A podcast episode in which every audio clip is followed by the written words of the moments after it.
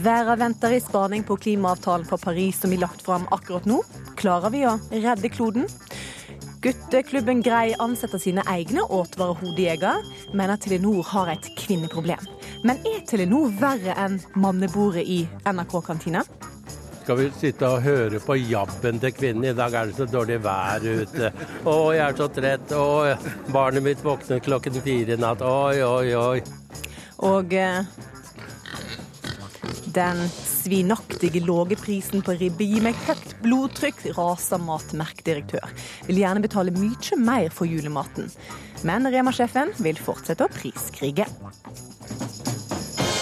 Velkommen til ukeslutt her i NRK P1 og P2. Mitt navn er Sara Victoria Rygg. Vi starter sendinga på klimatoppmøtet i Paris, og hos deg, reporter Eivind Molde. Hva skjer?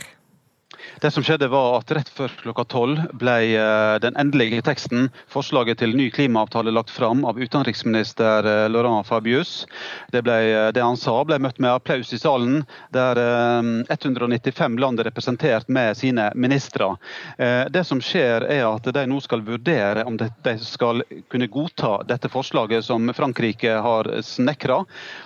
Og så blir det avklart i løpet av dagen om de kan støtte opp om det. Det som kan si om avtalen om den teksten, er at uh, den blir omtalt som ambisiøs. Målet om maksimum to grader oppvarming sammenlignet med 1850 uh, blir eh, skjerpa. En skal arbeide for å få et, nå et mål om 1,5 grader, selv om det for de fleste framstår som forholdsvis urealistisk. Men i alle fall så blir det lagt inn som et langsiktig mål om 1,5 grader.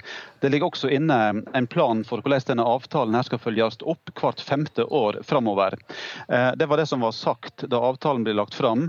Nå blir altså teksten først delt ut om en time her i Paris, fordi at den skal omsettes til eh, alle språk som blir brukt i FN-systemet. Eh, og Så blir det altså en periode utover dagen med vurdering av denne teksten. Og så vil det komme en avklaring på ettermiddagen. Generalsekretær Ban Ki-moon har talt, president Francois Hollande har talt. Begge har appellert til alle som er her om at nå må de støtte dette. Nå må vi få en ny klimaavtale her i Paris. Så vi får ikke vite noen ting om innholdet i avtalen sånn med det aller første, Eivind Molde? Eh, flere detaljer vil nok leke ut etter hvert, men det er først om en time at hele teksten blir publisert. Det er først om en time at alle de 195 landene som er her fysisk, får tilgang til teksten elektronisk eh, eller på papir, slik at de kan gå gjennom den ord for ord, komma for komma, eh, og så se om de kan stille seg bak dette. Men du vet, det er jo ikke lett å få 195 land til å bli samlet om eh, noe som helst, så det blir nok eh, en tøff ettermiddag. Nina Jensen, generalsekretær i WWF. Klarer du å vente en time til før du får vite noen ting? Nei, Jeg må innrømme at det er ganske nervepirrende å sitte her nå.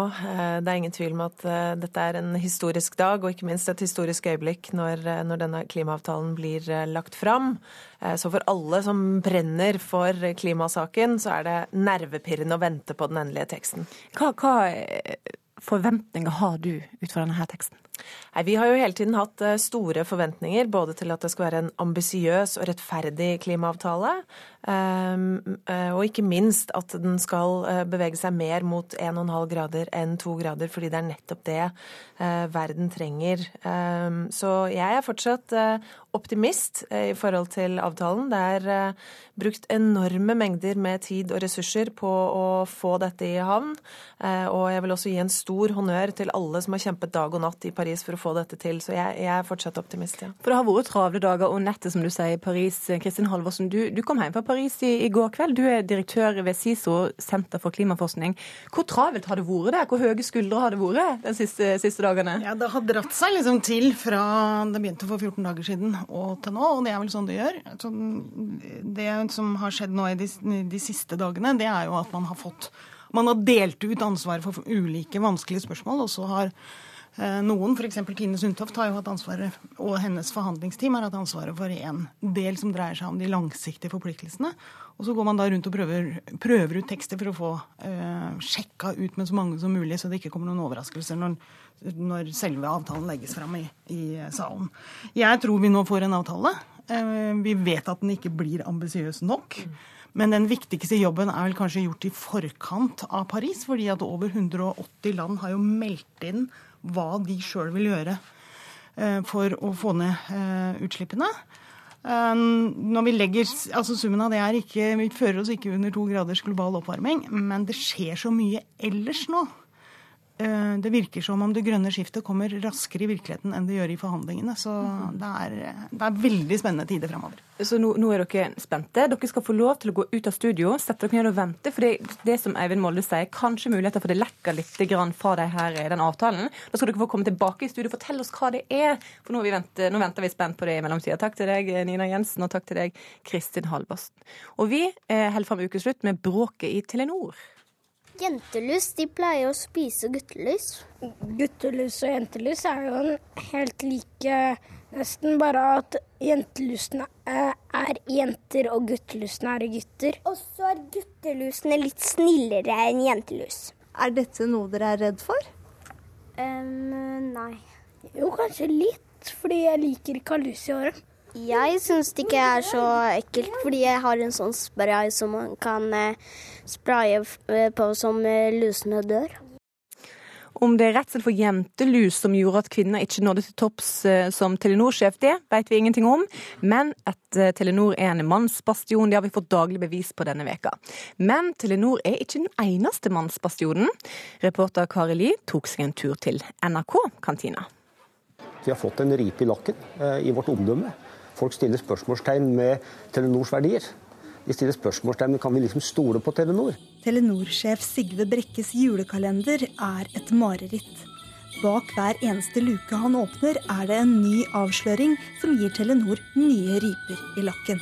Ifølge VG ble ingen av de tre kvinnene med mest erfaring fra Telenor-ledelsen innkalt til intervju i sluttrundene. Næringsminister Monica Mæland vil ha svar fra styret i Telenor om hva som skjedde i eh, sluttfasen da selskapet skulle ansette en ny konsernsjef. Vi har vært opptatt av at eh, styret har en grundig og bred rekrutteringsprosess, og det har styret bekreftet. Næringsminister Monica Mæland var allerede orientert om styrets sjefsvalg.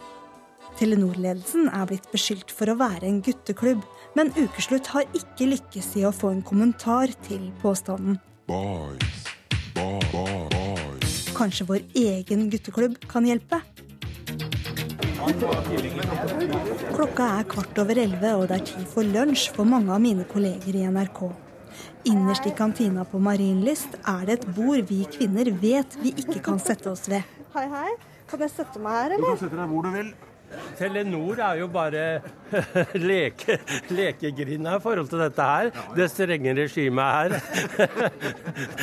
Det nytter ikke å bli kvotert inn her. Nei, overhodet ikke.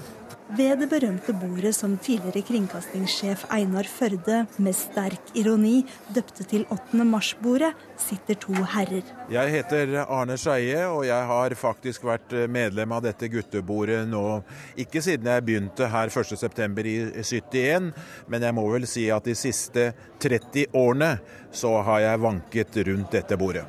Jeg heter Lasse Solberg, jeg har vært medlem av dette bordet siden 1990, kan jeg si. Da ble det etablert det store bordet med Lars Jakob, Jan Otto Johansen, Bjørn Hansen, Pål Bang-Hansen. Solberg og Skeie tar verken seg selv eller anklagene om gutteklubb særlig høytidelig. Men det går altså rykter om at de fleipete mannfolka foran meg kan være nokså brutale mot kolleger. De som ikke tilhører gjengen, blir stirra i senk. Og hvis de ikke setter seg ved et annet bord da, får de klar beskjed. Og Toppunktet var jo eh, tiden med Pål Bang-Hansen som kasta folk bort fra bordet. Hvordan reagerte ansatte her i NRK på det? De bare forlot bordet, selvfølgelig. Og etter det så var det veldig, veldig få som prøvde seg. For det, det ble jo snakket om dette overalt, at dette var guttebordet. Og her eh, satt gjengen. og og diskuterte. Hva diskuterte vi, Lasse? Vi diskuterte fotball og programmer. At vi, vi snakket aldri om, om, hvordan vi hadde hjemme og sånne ting. Overhodet ikke. Hendte det at det satt noen her fra før, altså før dere kom? Det hendte nok noen ganger, men eh, da vi kom, så forsvant de ganske fort. Har det sittet damer her før? I farten kan jeg ikke huske at, huske at det har vært dame ved dette bordet. Hvem skulle det i så fall ha vært? Ja, hvem skulle det ha vært? Men på fritiden treffer vi jo kvinner, alle sammen. Og hjemme. Så det får jo kanskje holde. Skal vi sitte og høre på jabben til kvinnen. I dag er det så dårlig vær ute. Å, jeg er så trett. Å, barnet mitt våknet klokken fire i natt. Oi, oi, oi. Det er jo sånn som vi har vokst opp med i redaksjonene, så det, det går greit. Men ikke ved kantinebordet. Her vil vi ha fred. Ser du, altså Gutteklubben, eh, lever den videre? Er det nye generasjoner som kommer til, eller? Det kommer hele tiden eh, nye, dyktige unge mennesker til her i NRK. Men om de tar opp denne flotte tradisjonen med 8. mars-bordet, det vet jeg ikke. De burde selvfølgelig gjøre det, men eh, om de gjør det, det er et stort spørsmål. Ok, så er det lite å gjøre med synet på kvinner rundt 8. mars-bordet i NRK-kantina. Men hvordan er det med den oppvoksende generasjon?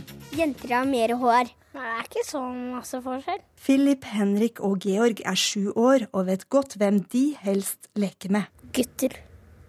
Gutter. Ja, hvorfor det? Eh, det, det er et godt spørsmål. Det vet jeg faktisk ikke. Jentene de leker, de leker noen leker jeg ikke liker, og guttene de leker noen leker jeg har lyst til. Ja, og da leker jeg med guttene. Når dere blir voksne, skal dere jobbe sammen med jenter da, eller hvordan blir det? Man vet jo aldri om jentene hvilken jobb dem er på. Nei. Når, før man begynner. Og så må man jo noen ganger jobbe med det, jentene, fordi man kan ikke bare jobbe med gutter.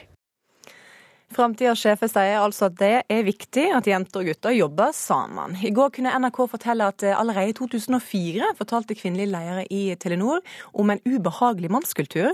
I en hemmelig rapport skildrer kvinner hvordan viktige beslutninger ble tatt i uformelle mannlige nettverk, og at kvinner ble forbigått. Trine Larsen, hodejeger og leder for rekrutteringshuset Hammer og Hanborg. Har Telenor et gutteklubben-grei problem? Ja, det har de. Men de er ikke alene om det.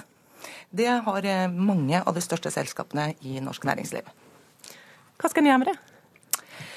Det er kanskje på tide å slutte å prate om å gjøre noe med det. Det er på tide å slutte å lage noen foraer og sånn for kvinner osv. Det er på tide å liksom faktisk begynne å rekruttere kvinner inn i topplederstillinger. Mm. Torleif Solstad, du er sjef for Solstad-gruppen, og du, du, beskriver jobben din som at du støtter ledere på vei inn i ny jobb, medan de er der, og på vei ut. I en ytring på nrk.no så skriver du at svaret gutteklubben Grei har skylda, smaker av kvinnesak fra 70-tallet. Hva, hva mener du med det? Ja, det er jo en spissformulering, men det jeg mener, det er at uh, det blir for endimensjonalt i en uh, kompleks uh, diskusjon. det jeg jo er helt overbevist om, er at det er et konformitetsproblem i rekruttering av ledere. kort sagt at like velger like. Men om kvinner er det mest problematiske, det er jeg ikke overbevist om. Jeg opplever veldig ofte at alder, iallfall for ledere, er et mye større eh, glasstak enn kjønn og bakgrunn. Altså at like velger like. Det er en utfordring for endringstakten. Mm. Er det, er det sånn feminisme fra 70-tallet, dette her? Eh, det vet jeg ikke, for da var jeg så vidt født. Men, eh, men, eh, det er jo helt klart at feminisme er viktig, og det er viktig å snakke om at kvinner blir utelukket i mange miljøer, og spesielt i toppen av næringslivet. Som det er feminisme eller kvinnekamp, det kan det godt være. Men det er jo egentlig mer et, et, en diskusjon om mangfold. ikke sant? Det vi ser i dag, det er jo at gubber rekrutterer gubber. All forskning viser at argumentasjon som blir brukt om at det ikke finnes kvalifiserte kvinner eller kvinner som ikke vil, det er jo feil.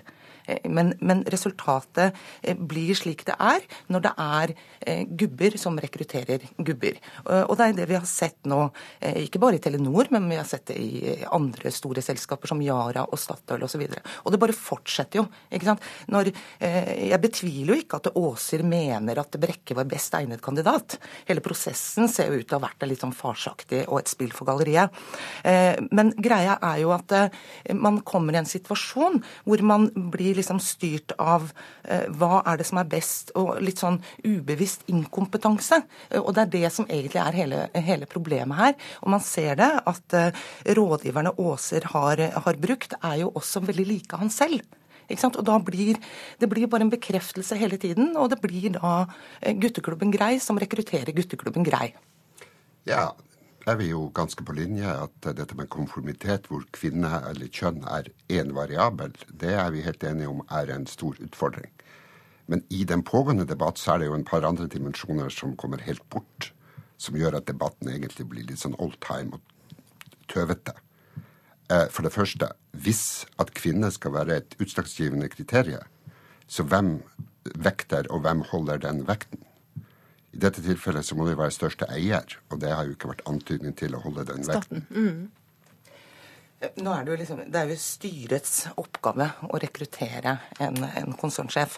Eh, men ikke sant, når eh, hele prosessen har liksom vært også at styreleder har gjort noen intervjuer, og, og, og hodejeger har gjort noen andre intervjuer, så det, alt blir jo bare liksom Det, er jo to middelaldrende menn eh, som har sittet og styrt denne prosessen.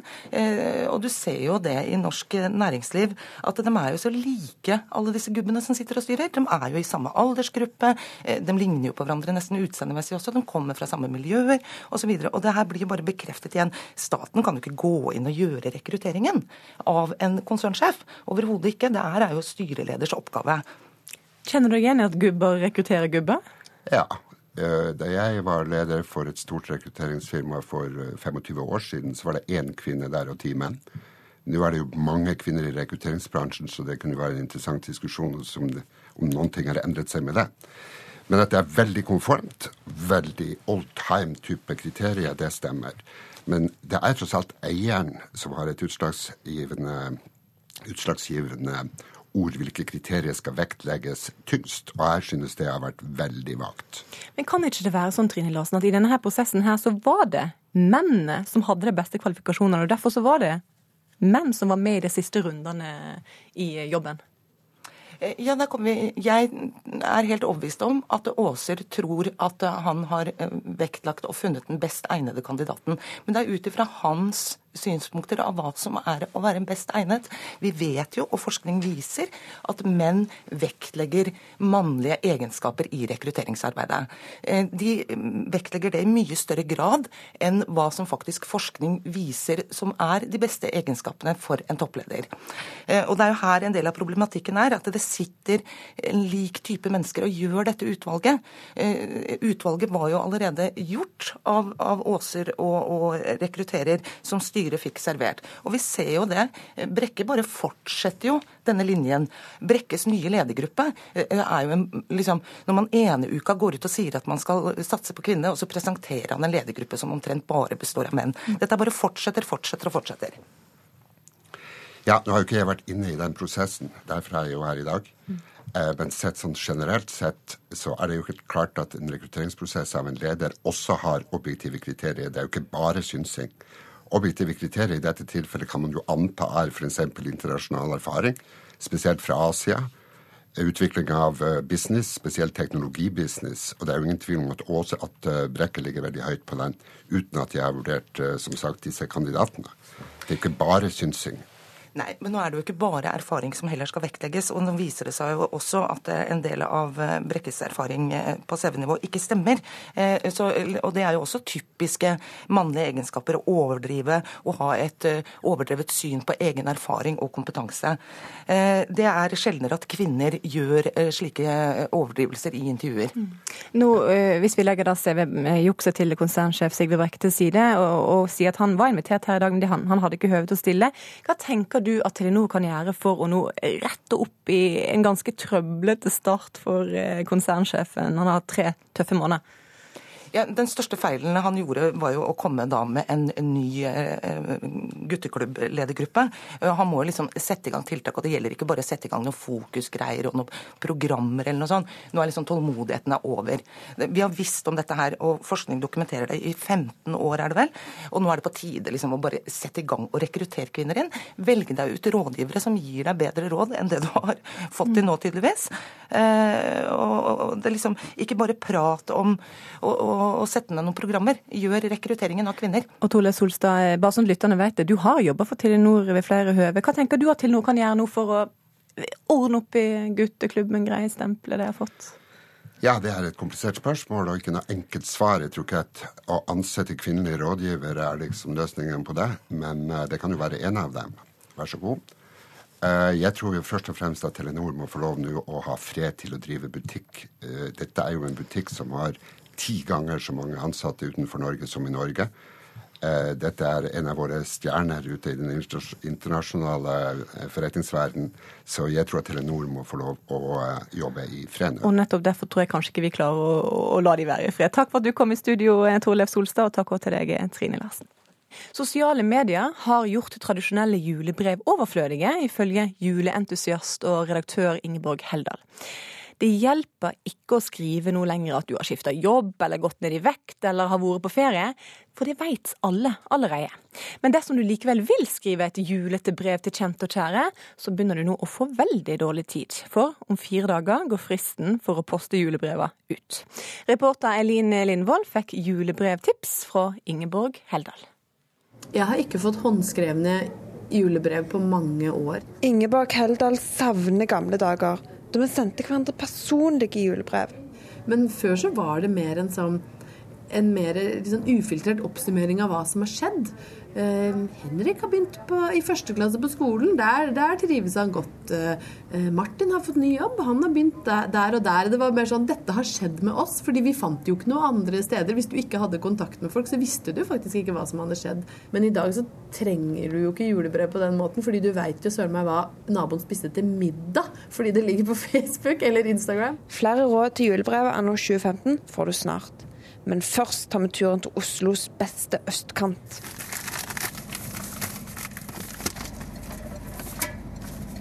Ragnhild Nesbakken kjører postbilen i et boligfelt hun kjenner godt.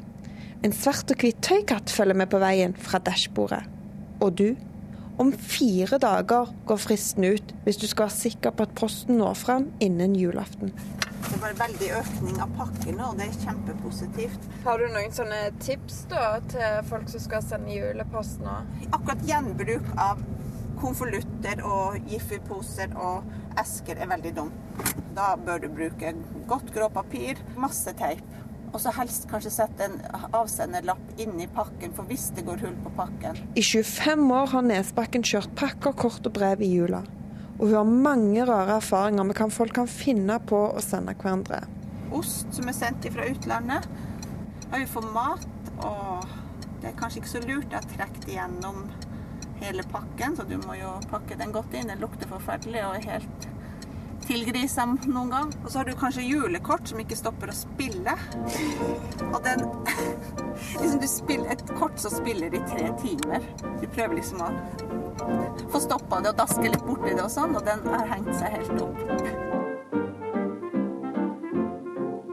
Endelig har tiden kommet for årets julebrev. 2015 går mot slutten, og det er tid for oppsummering, ettertanke og ikke minst et blikk framover. Heldal sitter foran Mac-en og leser julebrevet hun la ut på bloggen sin. Med vår lille familie går alt strålende. Til tross for at det blir lange dager, finner jeg god tid både til mammaliv, kjærlighet, egenpleie, trening og venner. Er dette liksom eksempelet på et typisk julebrev? Nei. Dette er eh, et, et typisk eksempel på en, en parodi på, på, et julebrev. Så hva er det ultimate julebrevet i 2015? Hvis noen hadde satt seg ned og håndlagd et kort og håndskrevet en, en hilsen på, det for meg er det nye julebrevet. Det er noe personlig, noe ekte, noe som noen har brukt uh, tid på. Men er du glad i jul, eller? Åh, elsker jul. Ja ja, jeg er verdens største jule... Mannen min kaller meg for um, egentlig julenazi, men det kan jeg ikke si. Så jeg sier han kaller meg for den vennlige julediktatoren.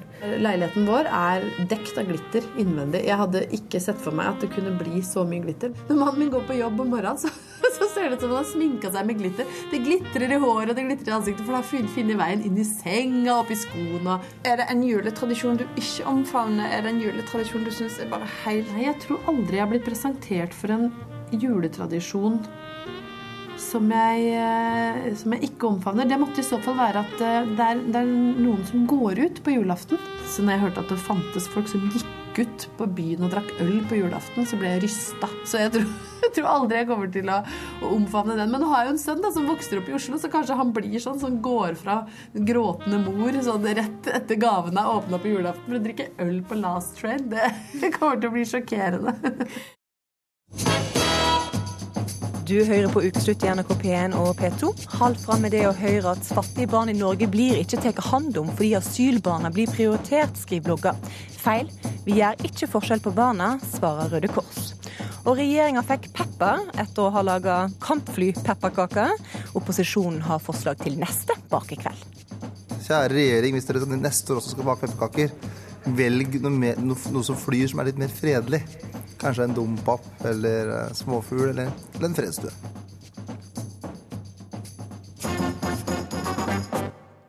Hva synes du om at eh, det er priskrig på norske butikker nå? Jeg syns det er helt utmerket. Hvorfor det? For da får jeg billigere varer. Veldig kjekt. Jeg tenker det er bra. Jeg er jævlig glad i ribbe, så det passer bra. Jeg syns det er dårlig gjort mot grisen. Jeg syns det er greit å betale for maten og ikke kjøpe sånne tilbud, for det er forbigående uansett. Blir det tullete at det skal bli så billig eh, etter hvert? Får det deg til å kjøpe mer eh, julemat? Mm, ja, det vil jeg absolutt si.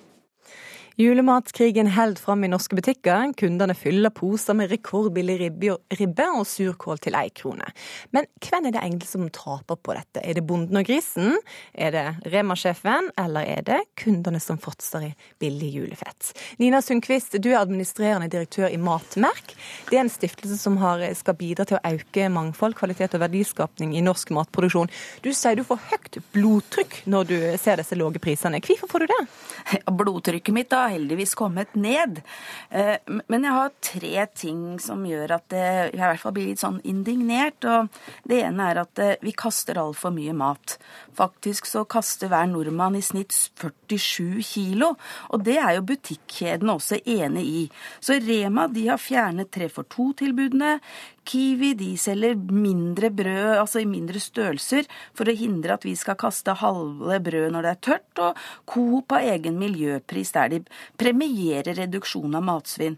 Så nå får vi liksom tre pakker surkål og en stor boks pepperkake og mer marsipan enn vi klarer å spise til en krone pakka. Så da tenker jeg, hvor blir det av etikken til butikkene? Mm. Er det greit å kjøpe for mye og kaste mat bare den er billig nok? Men hvem er det som betaler for den lave summen på, på kassalappen, slik du ser det? Ja, altså, Vi vet jo at eh, det, eh, butikkene repeterer og repeterer at nei, det er det deres kjøpmenn og butikkene som gjør. Eh, fordi at denne prisen er jo avtalt på forhånd. Sånn at det er, det er riktig det at bonden og leverandørene får den prisen som er forhandlet. Men er, vi er jo faktisk i beste fall naive, da. Fordi at det er jo sånn at er du en grisebonde, så har du bare en gris å selge. Og produserer du kål, så har du bare kålen å selge. Men butikkjedene de har jo mange tusen varer de kan løfte egentlig det tapet de nå gjør. da. Og på vei hit, jeg er litt grumsete i halsen som du hører, så kjøpte jeg en pakke halstabletter på Rema. Eh, den besto av 20, 20 halstabletter, og da var kiloprisen på den 839 kroner. Så ikke si at dette prisavslaget som er lokkevarer, ikke tas igjen andre steder i butikken. Rema-sjef eh, Ole Robert Reitan, eh, vi nærmer oss jula, og julefreden skal vel egentlig senke seg over riket. Men du, du ypper til krig. Hva, hva skjer med denne konkurransen? Nei, altså vi, vi skal være veldig veldig glad for at vi har konkurranse, da. Vi har tre veldig aggressive dagligvareaktører som ønsker å få hele det norske folk inn i sin butikk for å handle den store handlekurva. og og det er jo en uh, krig som ja, jeg har, er født og oppvokst med, for sånn har jeg holdt på i min familie siden jeg var bitte liten. Mm. Uh, men den har blitt uh, veldig intens i år. Og, og, det er litt sånn fordi at alle tre nå er fryktelig opptatt av å vise alle sammen hvor flinke de er og hvor lave priser de har, så blir det en voldsom krig på enkeltprodukter. De viktigste produktene for nordmenn å kjøpe til jul. Og da, når ingen vil gi seg ja, så er det jo null da, som er den nederste grense for hva man kan ta betalt. Og, og der begynner vi dessverre å nærme oss på noen varer nå. Og så spør, eh, spørs det jo da hvem det er som taper på denne her krigen, eh, hvis jeg skal kalle det det. Jeg hører du litt grumsete i stemma, du òg. Ja, det- Er det dyre halstabletter du tar inn etter for å få inn pengene? Nei, altså eh, nå har vi jo Vi har jo nødt til å ha en lønnsom butikk, fordi vi har jo i Rema 1000 så er det vel 12 000 mennesker i Norge som, som hever lønn hver måned som de er avhengig av. Så vi har jo nødt til å drive fornuftig forretning. Og det er klart at i et eller annet perspektiv så, så vil det her eh, måtte balanseres ut. Så når jeg går i butikken og skal kjøpe en engangsgrill f.eks. i sommer, eller kanskje en boks med pinneis, så, så er det litt dyrere enn det var i fjor.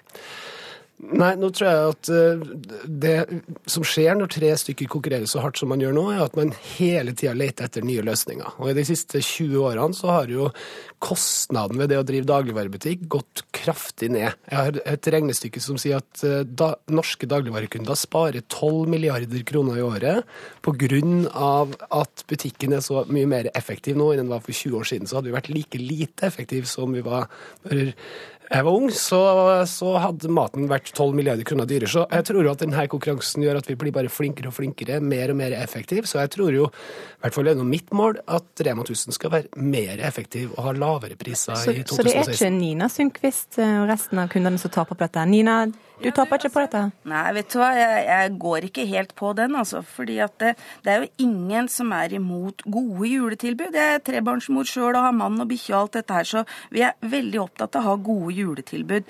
Men nå har det liksom blitt gale juletilbud, da. Og, og når, når du har 12 000 som jobber hos deg, så er det jo enda flere bønder. Vi har 40 000 bønder, og tar du med næringsmiddelindustrien, så er det vel opptil 100 000 årsverk som alle har bidratt til den prisutviklingen vi har på norsk mat. Så her skal alle få en del av den æren. Men det som jeg er opptatt av, er liksom, hvor lite vil du at jeg skal prise norsk matkultur, da, Reitan? Fordi at eh, norske bønder og norske fiskere er dyktige fagfolk. Og det samme er alle som jobber i næringsmiddelindustrien.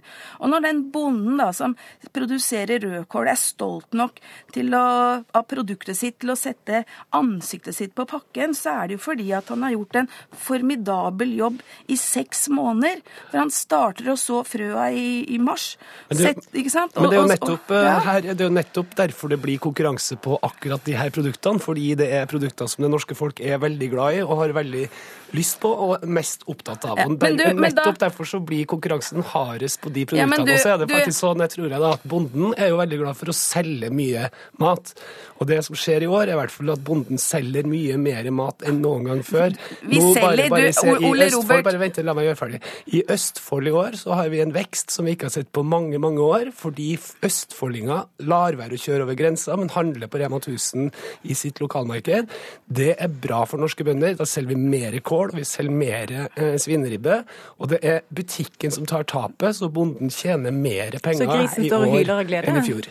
Ja, altså, men, men vi må på en måte Nå har det vært så mange ganger i det her huset og fått kjeft for at maten er for dyr, og nå sitter vi her plutselig og snakker om at den er for billig. Så Jeg får du kjeft for det, her, det, det her er ikke et stort samfunnsproblem. Det her er faktisk Nei, resultatet du- av ekstremt hard konkurranse Nina Sundquist, det er ikke et stort samfunnsproblem, sier Reitan her. Er ikke det bare topp med litt eh, billig mat framover? Men altså, som jeg sier, det er ingen som er imot gode juletilbud. Det er de gale juletilbudene eh, som vi reagerer på. Og så syns jeg, for at eh, du Reitan, du er jo en kremmer og kjøpmann. Og jeg syns liksom det er så merkelig at man på den sesongvaren hvor, som alle vil ha, da setter du liksom, da er liksom gi bort-pris. Og Hvis du ser på reiselivsnæringen, da, når alle har skolefri og vil til Syden, så tripler de jo prisen. Og, og da er liksom på hvilken norsk matkultur skal vi ha da, i Norge? Fordi at det, dette er jo altså Vi snakker om en julehøytid hvor, hvor eh, vi verdsetter det å kose oss sammen våre nærmeste rundt et godt måltid. Og, og hva skal vi da lære ungene våre om verdien av maten, hvis vi da skal liksom kjøpe et, eh, altså, kjøpe altså nå har jeg, bare lest i avisen en pall mandler og 25 pakker rødkål.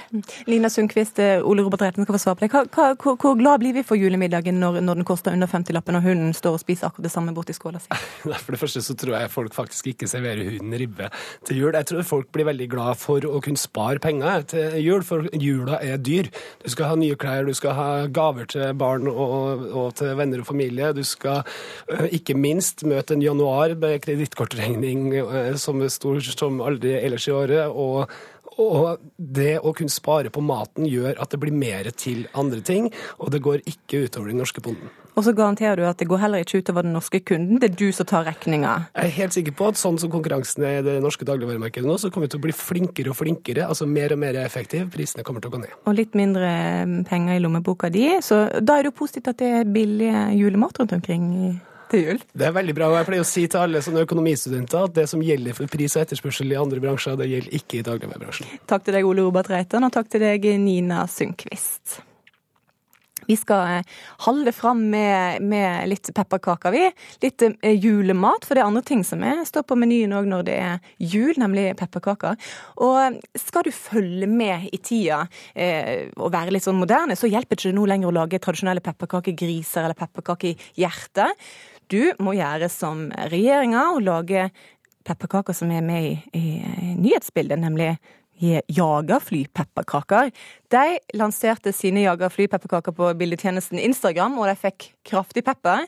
Vi tok med pepperkaker til opposisjonspolitikerne på Stortinget og lot dem komme med forslag til andre figurer regjeringa kan lage. Du får skynde deg med pepperkake. Ja, takk. Tusen takk. Når en pepperkakebaker baker pepperbakekaker, tar han først en stekegryte og en kilo margarin oppi gryta smelter Den var god, den. Ja. Hva ville du laga i stedet for eh, kampflyform? Alt, egentlig. Så det for å være helt ærlig. Så at, eh, men hvis regjeringa syns at engler er for kjedelig, da, hvis de vil ha noe som flyr, så kan så kan en anbefale nesten å lage noen småfugler, kanskje en due, kanskje. da, Fredsduer. Så at eh, hvis dere skal, kjære regjering, hvis dere neste år også skal bake pepperkaker, velg noe, mer, noe, noe, som flyr som er litt mer fredelig. Kanskje en dompap eller eh, småfugl eller, eller, en fredsdue. Uh, ja, kanskje du kunne prøvd uh, med noen fly? Noen og, og, der de får fram flyavgiften på en god måte. Flysete. Eh, eh, men jeg, eh, syns ikke det var en innertier med, med pepperkake av eh, jagerflyene. Det burde vært noen eh, Norwegians eller SAS-fly. Det er langt bedre. Navnet mitt er Jenny Klinge, jeg er fra Senterpartiet. og Jeg tror jo det at hele F-16-pepperkakegreien var en avledningsmanøver for å få bort fokuset fra flyseteavgifta. Men hvis en først skal bygge noe, så må det jo være i Bent Høies ånd i alle fall, å bygge noe nedlagte sykehusbygg pepperkakehus. Jeg heter Snorre Valen, jeg er fra SV. Um, jeg foreslår bokstavpepperkaker. Siden regjeringa har kutta i norskopplæringa til flyktninger, så må de jo de lære seg norsk sjøl. Kanskje man i Næringsdepartementet kunne lagd eh, litt sånn damepepperkaker. Eh, det er en del statlig eide selskaper som trenger både ei og annen eh, dame. De er så dårlige til å leide at de klarer ikke å finne dem, selv om det er et lass med veldig flinke og veldig gode eh, damer med lang erfaring i dette landet. Så da får man lage sine egne. Jeg tenker best med pepperkaker i munnen. De er veldig gode, forresten. Ja, ja. Nei, jeg tenker at det regjeringa burde gjøre, er å lage små pepperkakeminker som kan springe ut av pepperkakebur ut i friheten i anledning høgtider. Jeg tror at en pepperkakemink både vil se bra ut og helt sikkert smake godt.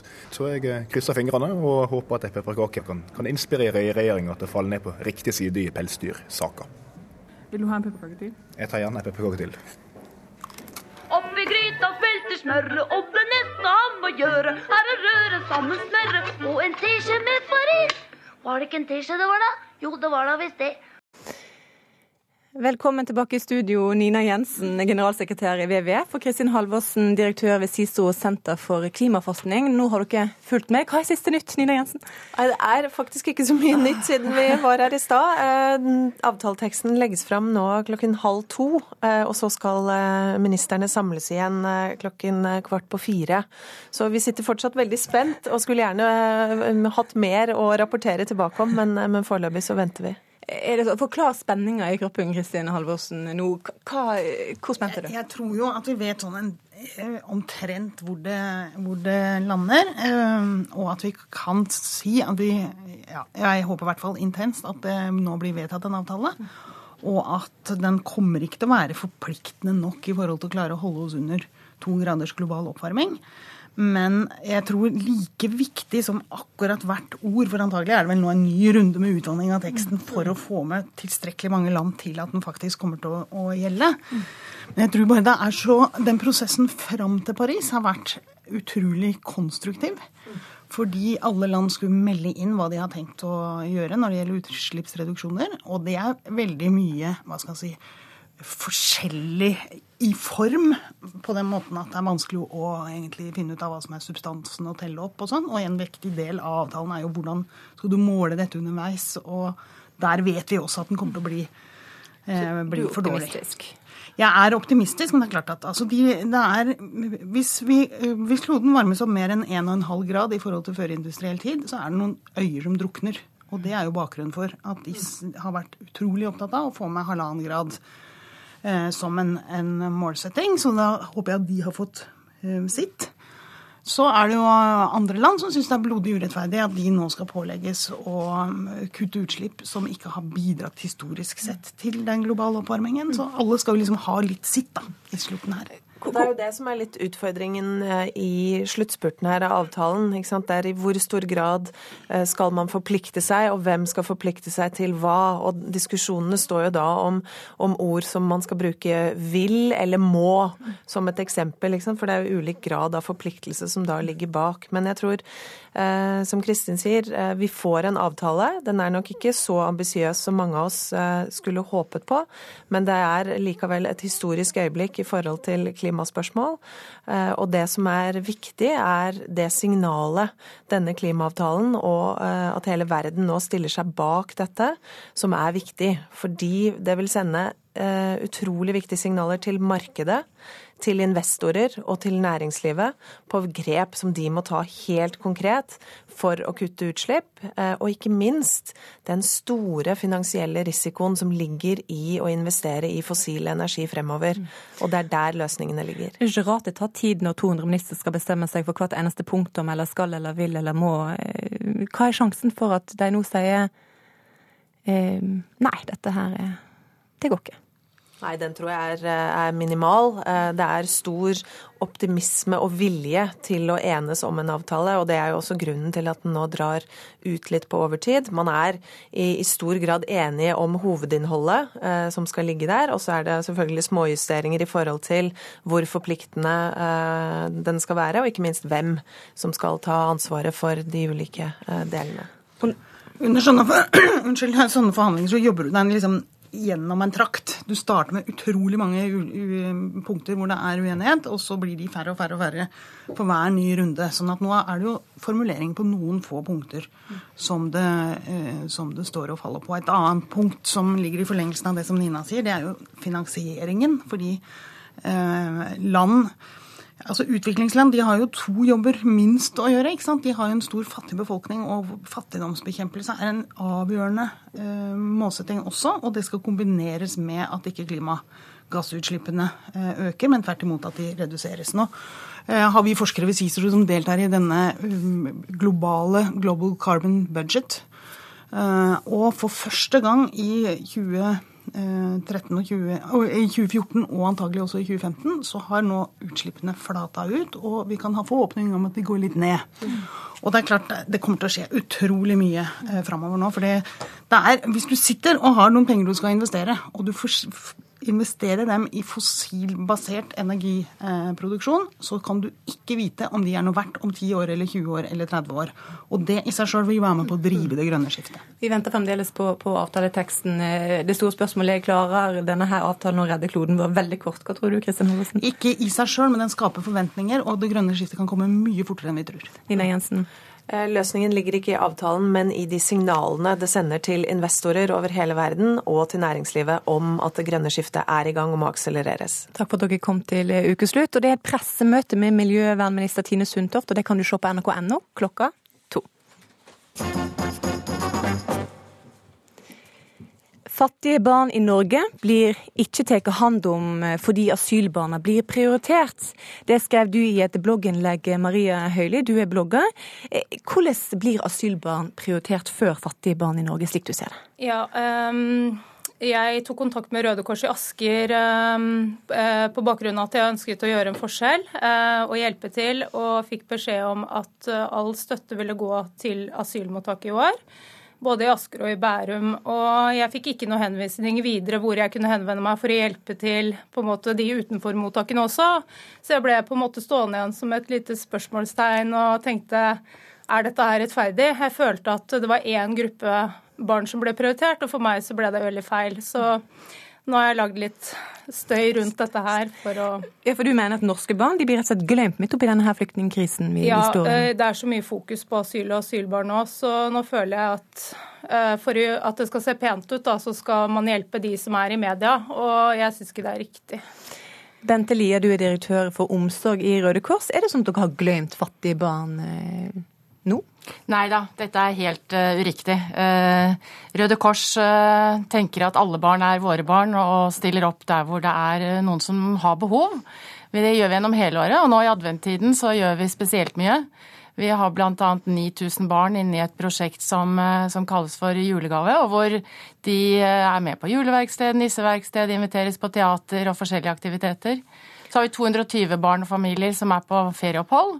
Og i tillegg, som kanskje er en veldig viktig sak, så har vi en åpen telefonlinje, kontakttelefon, hvor barn kan ringe gratis og anonymt hvis de ønsker å snakke med en voksen. Men Maria Høili ønsker å samle inn penger til fattige barn i Norge for å gi dem julegaver, kinobesøk, den slags eh, aktiviteter.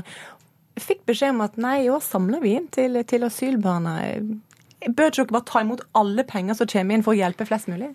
Det hun konkret etter hva jeg vet, spurte om det var om hjelp til å fordele disse gavene. Og da fikk hun svar fra, fra dette lokallaget av Røde Kors at de prioriterte sine, dette er jo frivillige som gjør, at de prioriterte et mottak i år. Men det er jo andre frivillige organisasjoner som stiller da opp i forhold til andre grupper i den perioden.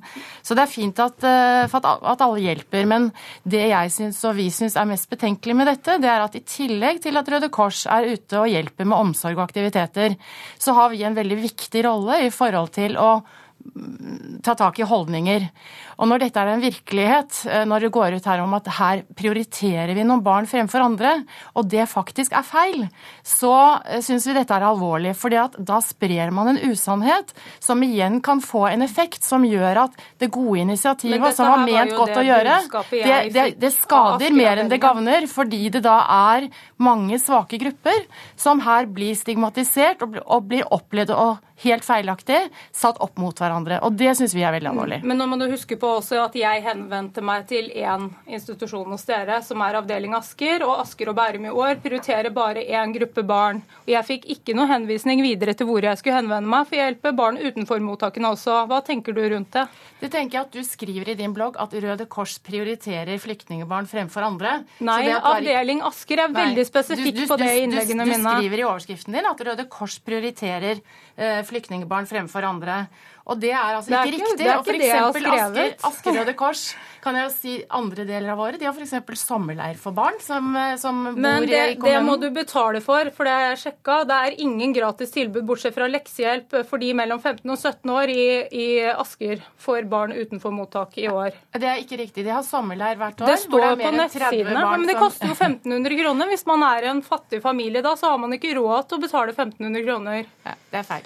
Men, men eh, Det Røde, Kors, eh, Røde Kors sier at du kunne bare tatt kontakt med en annen organisasjon, og, Men det og så gjorde kunne det jeg også. Mm. Eh, rett frem opplevelser i Drammen. De støtter alle familier og barn som er i en vanskelig situasjon. Og jeg tenker at det er viktig og at ikke de her blir utstøtt fra samfunnet. At de får muligheten til å være med på normale aktiviteter. Ellers så blir de utskudd av samfunnet. Det her får langtidskonsekvenser på en helt annen måte enn enn, eh, ja.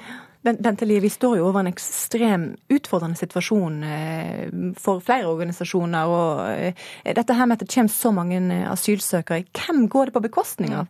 Og det er jo faktisk et gledelig budskap, som, som jeg kan si i den sammenhengen. Fordi Maria, du sier du er nødt til å være, provosere i overskriften for å få folk til å engasjere seg. Og da kan jeg berolige med at det trenger vi ikke.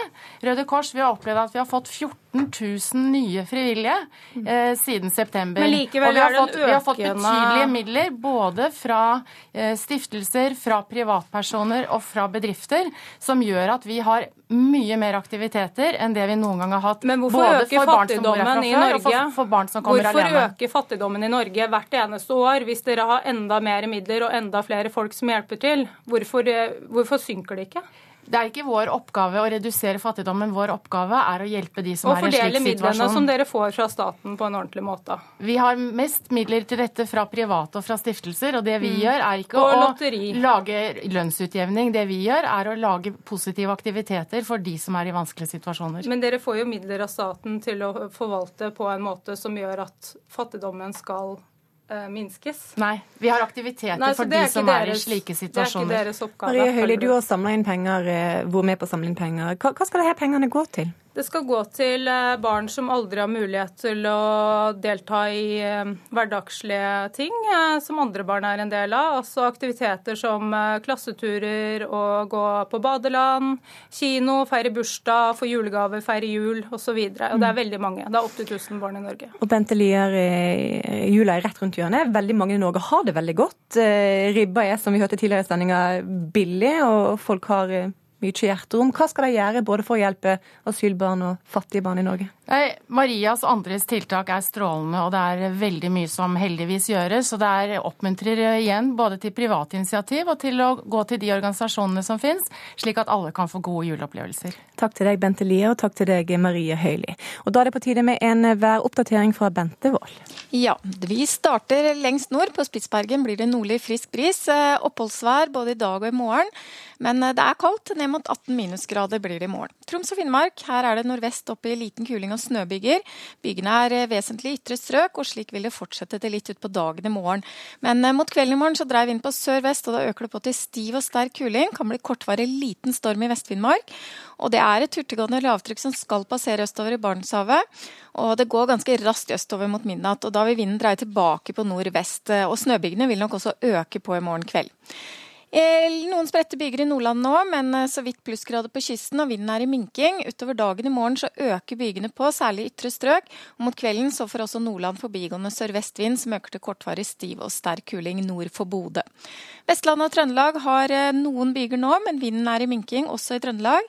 Det, fortsatt, eh, det fortsetter med nord- og nordvestvind og byger i natt. I morgen holder bygene seg stort sett fra Nordfjord og nordover, og da blir det stort sett snøbyger, sludd helt ytterst ved kysten. Det blir kaldere i morgen, særlig indre strøk, og sør for Nordfjord så blir det færre byger og mye pent vær. Men det kan komme noen spredte byger i ytre strøk. Slenger nok inn noen byger i nordlige og vestlige fjelltrakter i Sør-Norge, men ellers blir det mye pent vær både i fjellet, særlig da i Langfjella, og det gjelder også da Agder, Telemark og Østlandet. En kald søndag i hele landet i morgen, stort sett minusgrader. Det er bare på kysten i Sør-Norge og Nordland vi kan få så vidt over på plussiden. Og akkurat nå så har Tromsø minus to, Trondheim to, Bergen fire, Kristiansand fem og Oslo én grad. Ukeslutt er over for i dag. Gry Veiby, Guri Finnsveen og Sara Victoria Rygg takker for seg.